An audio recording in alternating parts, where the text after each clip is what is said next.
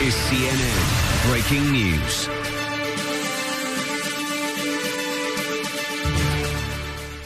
Oosterse tyd op 1 Junie 1980 is dit die begin van Cable News Network om 5uur. Mike Q to New York. Good afternoon from the World Trade Center. Stand by. Ready three. Take three. Mike Q. Three. Start to slow zoom in a little bit. Roll tape. Take three.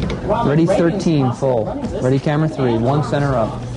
Good evening, I'm David Walker. And I'm Lois Hart. Now here's the news. President Carter has arrived in Fort Wayne, Indiana for a brief visit with civil rights leader Vernon Jordan. Jordan is in serious but stable condition now at Parkview Hospital. He is recuperating from the gunshot wound suffered early Thursday morning. Police still have no solid lead on who attempted to murder Jordan. In New London, Connecticut, police say a man apparently upset over a family problem went on a shooting spree aboard an Amtrak train en route from Washington to Boston. A passenger and an Amtrak policeman were wounded critically. The conductor was also shot. He's reported in stable condition. Cable News Network of CNN is 'n Amerikaanse basiese kabel- en satelliettelevisie nuuskanaal in besit van die Turner Uitsaai Sentrum, 'n afdeling van Time Warner. CNN is in 1980 gestig deur die Amerikaanse media-eienaar Ted Turner as 'n 24-uurs kabelnuuskanaal. By die bekendstelling was CNN die eerste televisiekanaal om 24 uur nuusdekking te verskaf en was die eerste slegs nuus televisiekanaal in die Verenigde State. Terwyl die nuuskanaal talle affiliasies het, word CNN hoofsaaklik uit die Time Warner sentrum in New York stad en ateljee's in Washington DC en Los Angeles uitgesaai.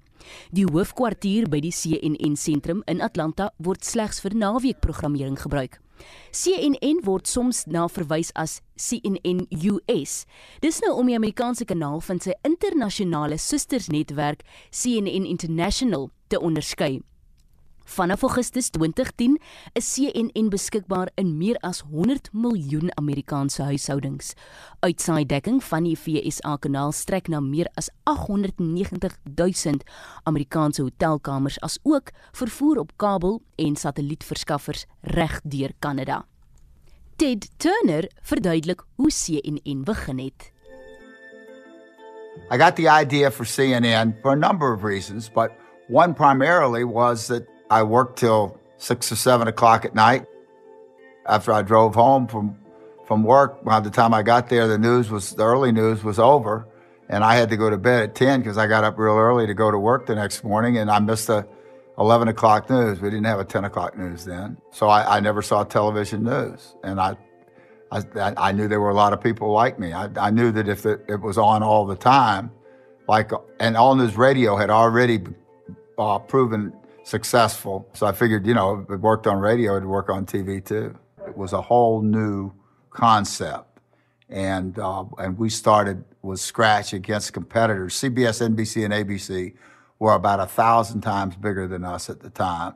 They should have done it. They had the bureaus, they had the personnel, they had the expertise, they had contacts, but they chose not to do it because they chose to fight cable, to fight the new technology rather than uh, embrace it. And uh, so they left an opportunity there for some entrepreneur like me to, uh, to take a shot at it. CNN was ook die eerste nuuskanaal om die nuus van die 11 September aanvalle te breek. Die anker Carolyn was op lig om die eerste openbare verslag van die geleentheid te lewer. Nou sy die oggend om 8:49 'n handelsflits onderbreek.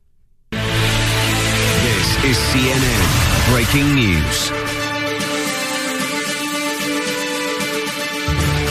This just in, you are looking at a, obviously a very disturbing live shot there. That is the World Trade Center, and we have unconfirmed reports this morning that a plane has crashed into one of the towers of the World Trade Center. The CNN Center right now is just beginning to work on this story, obviously calling our sources and trying to figure out exactly what happened, but clearly something relatively devastating happening this morning there on the south end of the island of Manhattan. That is, once again, a picture of one of the towers of the World Trade Center.